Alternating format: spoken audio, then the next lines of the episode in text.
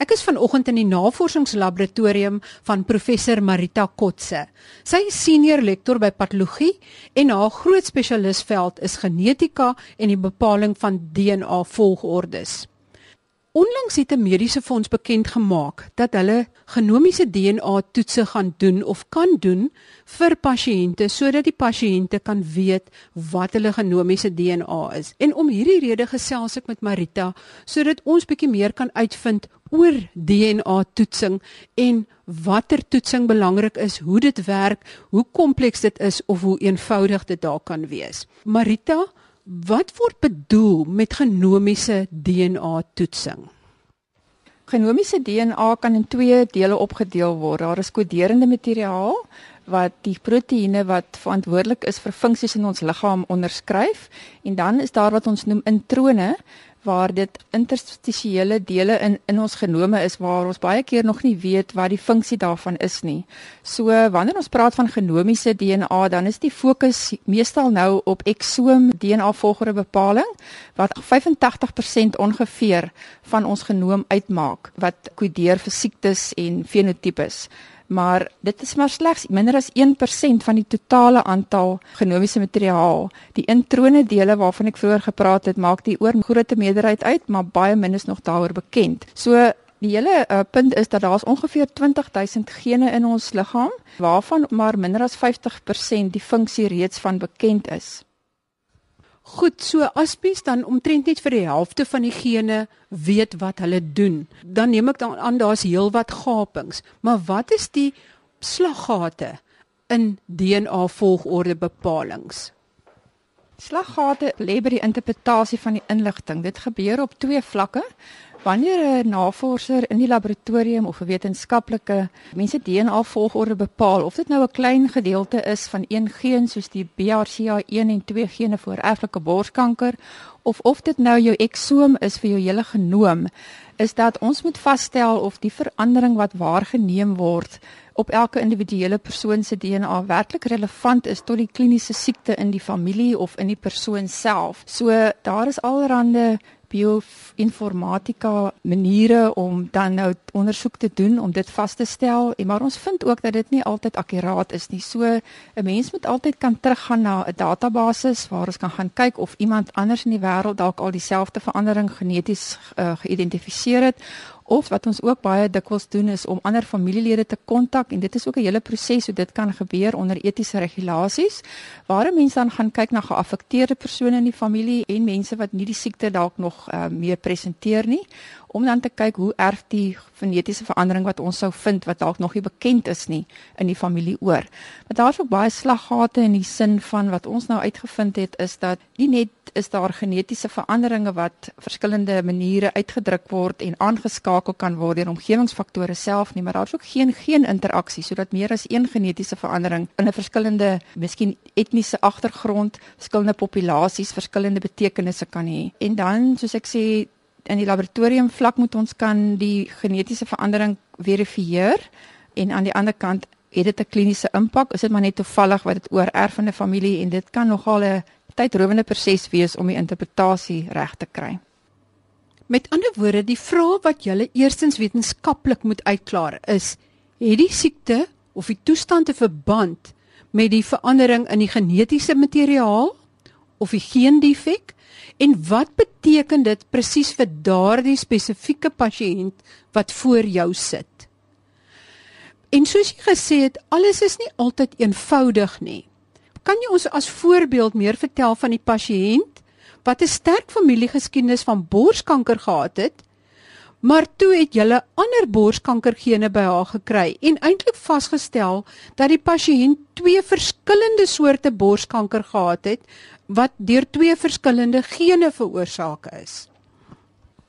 Ja, mense wil half aanvaar dat as jy 'n familie sien met 3 of 4 of ewen selfs meer individue wat oor erflike kanker het en jy identifiseer dan 'n uh, genetiese verandering wat dit waarskynlik kan veroorsaak en volgens die inligting wat tot ons beskikking is duidelik lyk of dit die siekte kan veroorsaak en jy gaan dan en analiseer meer familielede miskien met en sonder kanker en jy vind dan dat die mense wat die kanker het nie almal die genetiese verandering het nie. Dan begin jy nou twyfel of dit werklik die oorsaak van die siekte is. Daar is gevalle waar ons moet gaan kyk selfs in borskanker wanneer jy byvoorbeeld persone kry wat lobulêre tipe kanker het of die buistipe kanker het en dit is dan 'n kliniese variasie wat nie altyd onderliggend in die gene presies dieselfde oorsaak kan hê nie.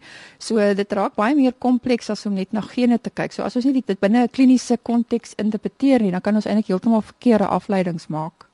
Ja, wat baie interessant is en wat jy ook aangeraak het, is dat sommige gene het 'n spesifieke rol terwyl ander kan dalk net daar wees om 'n ander geen aan te skakel of af te skakel of te reguleer. So elke geen het nie noodwendig dieselfde gewig nie en elke geen het ook nie dieselfde uitdrukking in 'n kliniese beeld nie. Wat jy genoem het hoë penetrasie geen en 'n lae penetrasie geen. Kan jy net daai verskil verduidelik? Wat is 'n hoë penetrasie geen en wat is 'n lae penetrasie geen? 'n Hoë penetrasie geen is wanneer 'n familielede dit oorerf, dan is die kans om die siekte wat relevant is tot daardie genetiese verandering, is die kans baie hoog dat die siekte sal ontwikkel in iemand. Maar 'n lae penetrasie geen is waar ander omgewingsfaktore of interaksie met ander gene 'n baie groot rol speel. So op daardie vlak van interpretasie van wanneer is dit nou 'n lae penetrasie, wanneer is dit hoë penetrasie geen, dit word geïnterpreteer op nadat ons kyk byvoorbeeld hoe algemeen is die genetiese verandering in verskillende populasies. Dit kan ook verskillende impakte hê op verskillende um, groepe en in verskillende kontekste. Dan is daar ook wanneer ons dink aan die eksoom genetiese DNA volgorde bepaling wat eintlik hele 20000 gene na kan kyk, is daar natuurlik dele in die genoom wat nie opgetel of geanaliseer kan word met daardie metode nie. Daar's altyd beperkings met elke metode wat ons kan gebruik.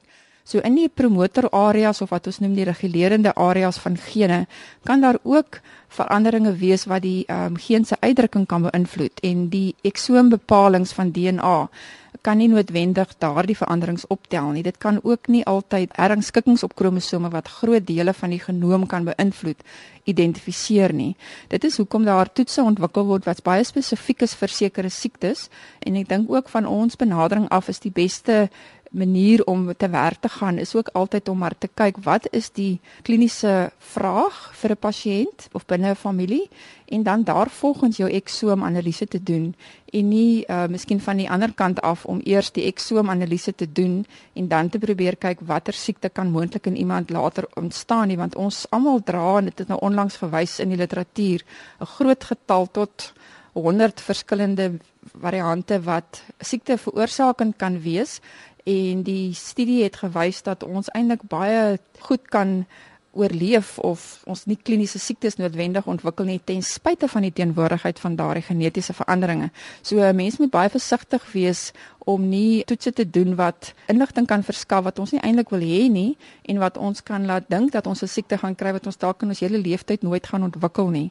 So dit gaan nou weer gepaard met die penetrasie van laag na intermediair na hoog en daardie tipe inligting is so belangrik vir interpretasie en as ons genetiese veranderinge wat ons waarneem in gene wil interpreteer dan moet ons 'n vraelyste gebruik om kliniese inligting relevant tot die geen wat ons analiseer te kan interpreteer en te kan verstaan wat dit beteken in daai kliniese konteks. Marita, kan jy net prakties gesproke vir ons 'n voorbeeld gee van 'n hoë penetrasie geen en 'n voorbeeld van 'n lae penetrasie geen? Ja, dit is eintlik 'n baie goeie voorbeeld want ek het my doktorale studie gedoen op die siekte wat ons noem familiale hiperkolesterolemie. En daar het ons geïdentifiseer dat daar um, net 3 genetiese mutasies is wat die siekte van oorerflike cholesterol in iets soos 95% van die Afrikaner populasie byvoorbeeld veroorsaak en ook eh, 'n uh, ander genetiese variasie in dieselfde geen wat ook iets soos 80% in die uh, Askenazi Joodse populasie kan veroorsaak. So dit was baie belangrike bevindinge gewees en wanneer 'n mens die oorerflike cholesterol het, dan sal jy van geboorte af verhoogde cholesterol hê. Maar dan kry ons ook baie mense wat eers weens oorgewig of verkeerde dieet verhoogde cholesterol ontwikkel en dan is dit weer waar dit 'n genetiese verandering kan wees wat meer 'n lae penetrasie of intermediêre risiko kan dra. En wat interessant is van hierdie gene wat lae risiko's, lae uitdrukking het, is dat hulle nie altyd net met een siekte geassosieerd is nie. Baie goeie voorbeeld hiervan is die ApoE variant wat nou kan te doen hê met verhoogde cholesterol en 'n feit is dat ons dit in 1993 reeds geassosieer het met 'n statisties betekenisvol verhoogde cholesterol vlak in die algemene populasie van Suid-Afrika. Maar ehm um, dan is dit ook net wanneer mense byvoorbeeld rook verhoog vlak die eet het wat ehm um, miskien te veel vet in die dieet het, versadigde vette of transvette. Alle vette is mos nou ook maar nie dieselfde nie. En dit is interessant dat die verhoogde cholesterol, rook, diabetes, hipertensie, al die risikofaktore wat ons hartsiekte risiko verhoog, kan ook jou risiko vir Alzheimer verhoog. En net op dieselfde manier kan hierdie ApoE variant die risiko op daai selfde tipe van vlak verhoog. So wat vir ons interessant is van die lae penetrasie gene is dat hulle nie net altyd met een tipe siekte geassosieer geassosieer is nie. Hulle is sommer geassosieer met baie kroniese siektes. Soos net soos wat ons dan 'n siftingstoets kan ontwikkel vir stigtergeen mutasies soos ons nou genoem het in die oorerflike cholesterol, waar daar net 3 is wat byvoorbeeld of 1 is afhangende van die populasie wat die meeste mense in daai populasie die spesifieke genetiese verandering het om die siekte te verklaar. Net so kan ons 'n paneel van gene gebruik in siftingstoetse wat in die algemene populasie verhoogde cholesterol kan veroorsaak of veroorsaak veroorsaak dat hulle metileringspadweg nie so goed werk nie wat dan geassosieer kan wees met depressie en also aan. So dit is definitief belangrik dat ons nie net meer kyk na die hoë penetrasie gene nie, maar ook na die lae penetrasie gene en dit is wat dit baie kompleks gaan maak as 'n mens iemand se hele eksoom analiseer geneties en op die DNA vlak as ons nie alles in plek het om die interpretasie te kan doen nie. Met ander woorde, dit is nogal belangrik dat daar eerstens soos 'n tipe siftings DNA volgorde toets gedoen word om die algemene hoë penetrasie gene se gevolge uit te skakel en daarna te kyk in meer detail na die eksome en daarvoor het julle van hierdie navorsingslaboratorium af 'n hele paneel van kundiges van oor die land wat dan daarna kyk. Ja, ons het op 'n op 'n vlak begin van miskien 2 of 3 ander groepe van ander universiteite wat betrokke begin raak het om so 'n kundige paneel saam te stel en ons hoop dat dit verder uitgebrei kan word. Dit vorm deel van 'n projek met die uh, Mediese Navorsingsraad. En ons is baie opgewonde daaroor. So 'n voorbeeld van dit is iets wat almal verstaan is die oor Afrika borskanker gene waar dit ehm um, gebruik kan word as 'n goeie voorbeeld van hoe uh mense wat kundigheid het in 'n spesifieke area en veral die genetiese raadgewers wat ehm um, wat dit een van die groot doel van hulle werk is is om ook families wat hierdie siekte het en oor Afrika borskanker het genetiese raadgewing voor te doen. Maar as dan in die in die oorspronklike sifting toets getoets word vir die eh, BRCA 1 en 2 gene. Dit is nou die algemene borskanker gene. En jy kry niks, dan is dit nodig om verdere toetse dalk te doen en te kyk of daar dalk 'n ander gene is wat betrokke is by borskanker want daar is soos wat jy voorheen vir my gesê het amper 400 verskillende gene wat dalk 'n invloed kan hê op borskanker. Ja, dis reg, daar is 'n panele wat ons kan gebruik wanneer die BRCA1 en 2 gene as oorsaak uitgeskakel is in familiale borskanker, dan is daar 'n hele paneel van ander gene wat ons nou in eerste sal nou analiseer as 'n mens dan nou 'n eksoom analise gedoen het, soos ons nou onlangs ook begin doen het. En dan is dit nou die interpretasie wat 'n mens moet kan doen volgens jou kennis. So BRCA1 en 2 vir borskanker is eintlik die beste voorbeeld van hierdie. Want selfs al het ons al so baie kennis oor die BRCA1 2 gene en daar's databasisse waar ons kan gaan naslaan of die verskillende variasies wat ons vind in ons populasie al voorheen beskryf is en wat die kliniese relevantie is. As ons dit dan uitgeskakel het dat iemand in daardie gene 'n oorsaak vir hulle siekte het, dan kan ons verder gaan en na die ander 400 gene kyk. En as ons dan ook en selfs in hulle nie 'n oorsaak kan kry nie, dan moet 'n mens regtig begin weer die vraag vra, is dit dan nou 'n kombinasie van lae penetrasie gene wat gesamentlik lyk asof dit familieel is, maar in werklikheid is dit nie een geen in die familie wat die siekte veroorsaak nie, maar kombinasies van verskillende gene wat bydraend is en dan vir jou 'n beeld kan gee van familiale oorsaak en dit is waar dit dan nou bietjie meer kompleks raak maar dis eintlik vir ons baie interessant want is wanneer dit die lae penetrasie gene is dis eintlik gewoonlik hulle wat die potensiaal het om nie so determinerend te wees nie maar dat jy eintlik dan nou die inligting wat jy uit die geens inligting kry kan gebruik om miskien voorkomend op te tree of die risiko in die toekoms te verander. Want baie van hierdie genetiese veranderinge wat nie so hoë penetrasie is nie hulle word slegs aangeskakel deur faktore soos obesiteit of miskien rook selfs hulle ons weet rook is nogal 'n kontroversiële punt rondom of dit die risiko vir borskanker verhoog maar daar was definitief goeie navorsing gedoen wat gewys het wanneer mense borskanker gehad het en hulle rook steeds daarna dat hulle risiko vir herhaling verskriklik verhoog is.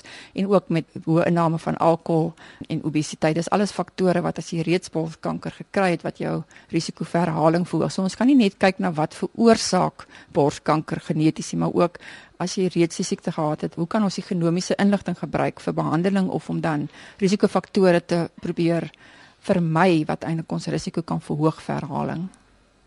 Met ander woorde, dis belangrik om te toets of siftingtoetse of DNA-toetse te doen juis vir die goed waaraan mens iets kan doen of 'n verandering teweeg kan bring, miskien 'n beter kliniese uitkoms of om dit totaal te voorkom dat daai aanskakeling van die geen heel glad nie gebeur nie of om te bepaal watse tipe behandeling is die korrekte behandeling vir daai tipe geen defek.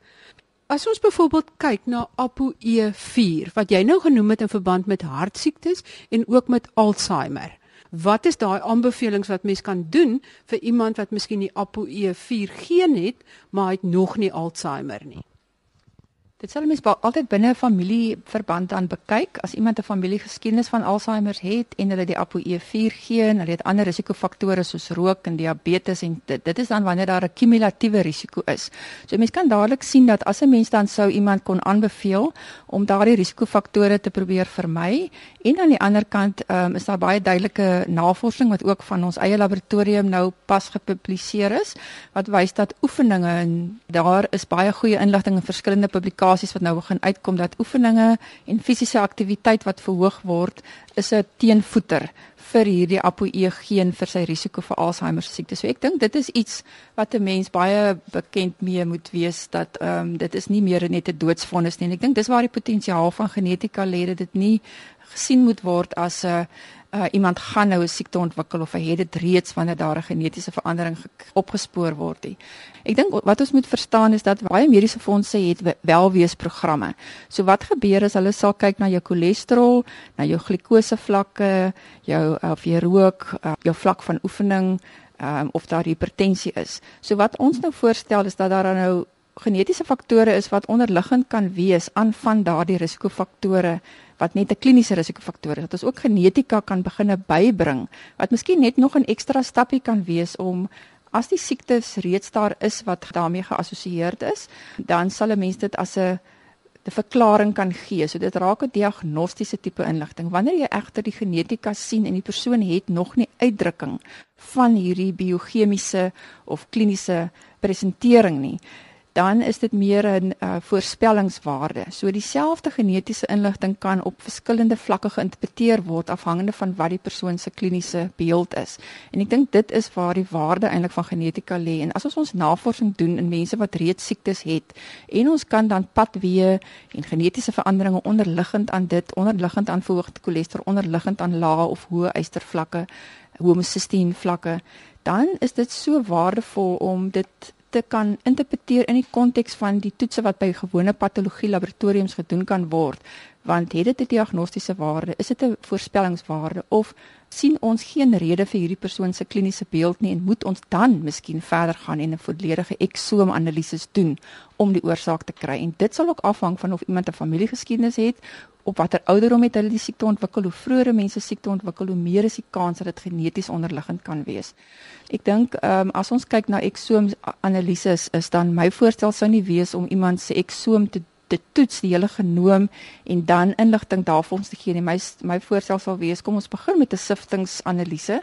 Kyk of ons die probleem wat die persoon het of die risiko of dit nou 'n familiegeskiedenis is en of dit 'n kliniese beeld is wat nie heeltemal reageer op die behandeling wat die dokter voorskryf nie. En as 'n mens dit dan nie kan regstel of die nodige impak hê met die siftingstoets nie, dan kan 'n mens op daardie tyd dan iemand identifiseer vir 'n eksoom-analise.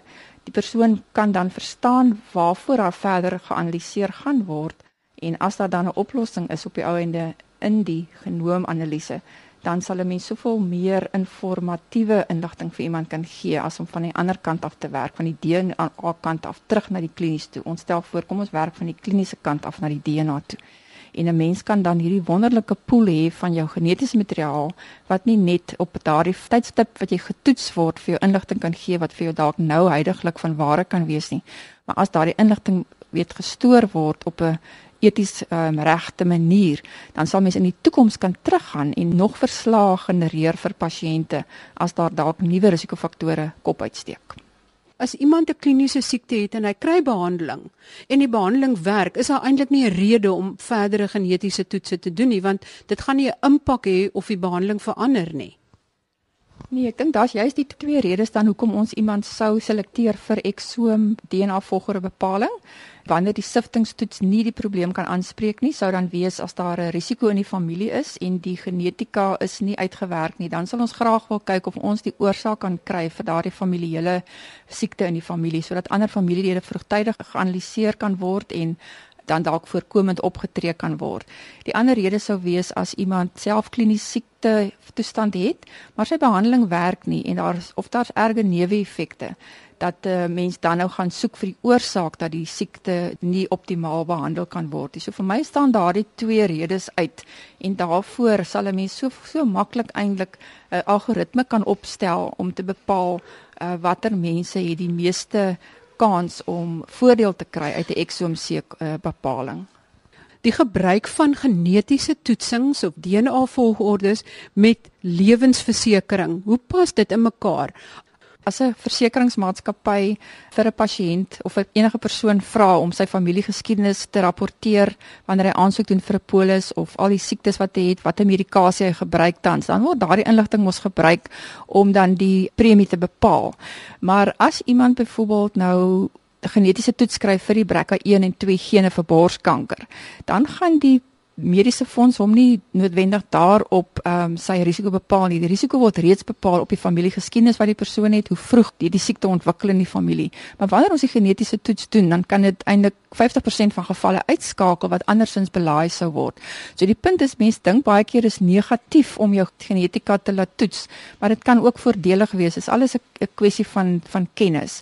Daar is 'n kode wat opgestel is vir leweversekeraars. Hulle kan nie vir 'n pas vir iemand vra om 'n genetiese toets te doen sodat bepaal kan word wat hulle risiko op 'n genetiese vlak is nie, maar wanneer iemand reeds 'n genetiese toets gehad het, dan moet hulle dit verklaar. En dit is dan waar mense ook baie versigtig moet wees hoe hulle dan nou hulle eksoom DNA volledige volgorde van hulle 20000 gene laat analiseer. Want as daai inligting bekend raak en dit kan dalk teen hulle gehou word in die toekoms, dan kan dit nogal baie nadelig wees. So dit is waarom ons verkies om van 'n kliniese kant af die kliniese probleem aan te spreek in die eksome want jy gaan nie verder belaai kan word op 'n probleem wat jy reeds het nie. My bekommernis is dat iemand kan verwag om uit sy 20000 gene die antwoorde te kry ter voorkoming, ter behandeling van enige siekte waar ons soos ons voorheen genoem het eintlik nog net 'n fraksie van die kennis het om werklik die genoom te ontgin. Marito, dan wil ek net seker maak al hierdie toetse waarvan ons nou praat kan in Suid-Afrika gedoen word, maar daar's inderwaarheid toetse wat hier ontwikkel is wat elders in die wêreld gebruik word. Is dit korrek? Ja, dit is korrek. Ehm um, een voorbeeld is byvoorbeeld ehm um, ons het navorsers by die Universiteit van Kaapstad wat saamwerk op 'n toetse wat in sportgenetika gebruik kan word en dit word onderskryf deur navorsers in ons land en ander lande het dit reeds begin gebruik. Dankie Marita, is daar 'n finale boodskap wat jy vinnig vir die luisteraars wil saamvat net in een sin? Ek wil eintlik dankie sê vir mediese fondse wat so innoverend is dat hulle die waarde van genetika verstaan en dit ook dan nou wil uitbrei en toepas vir ons populasie. En ek dink ons moet almal saam staan en sê, maar hoe kan ons dit die beste doen? Wat is daar wat ons self in hierdie land kan doen dat dit nie nodig is om genetiese materiaal na oorseese laboratoriums te stuur as ons navorsers in Suid-Afrika dit miskien self kan uitvoer nie.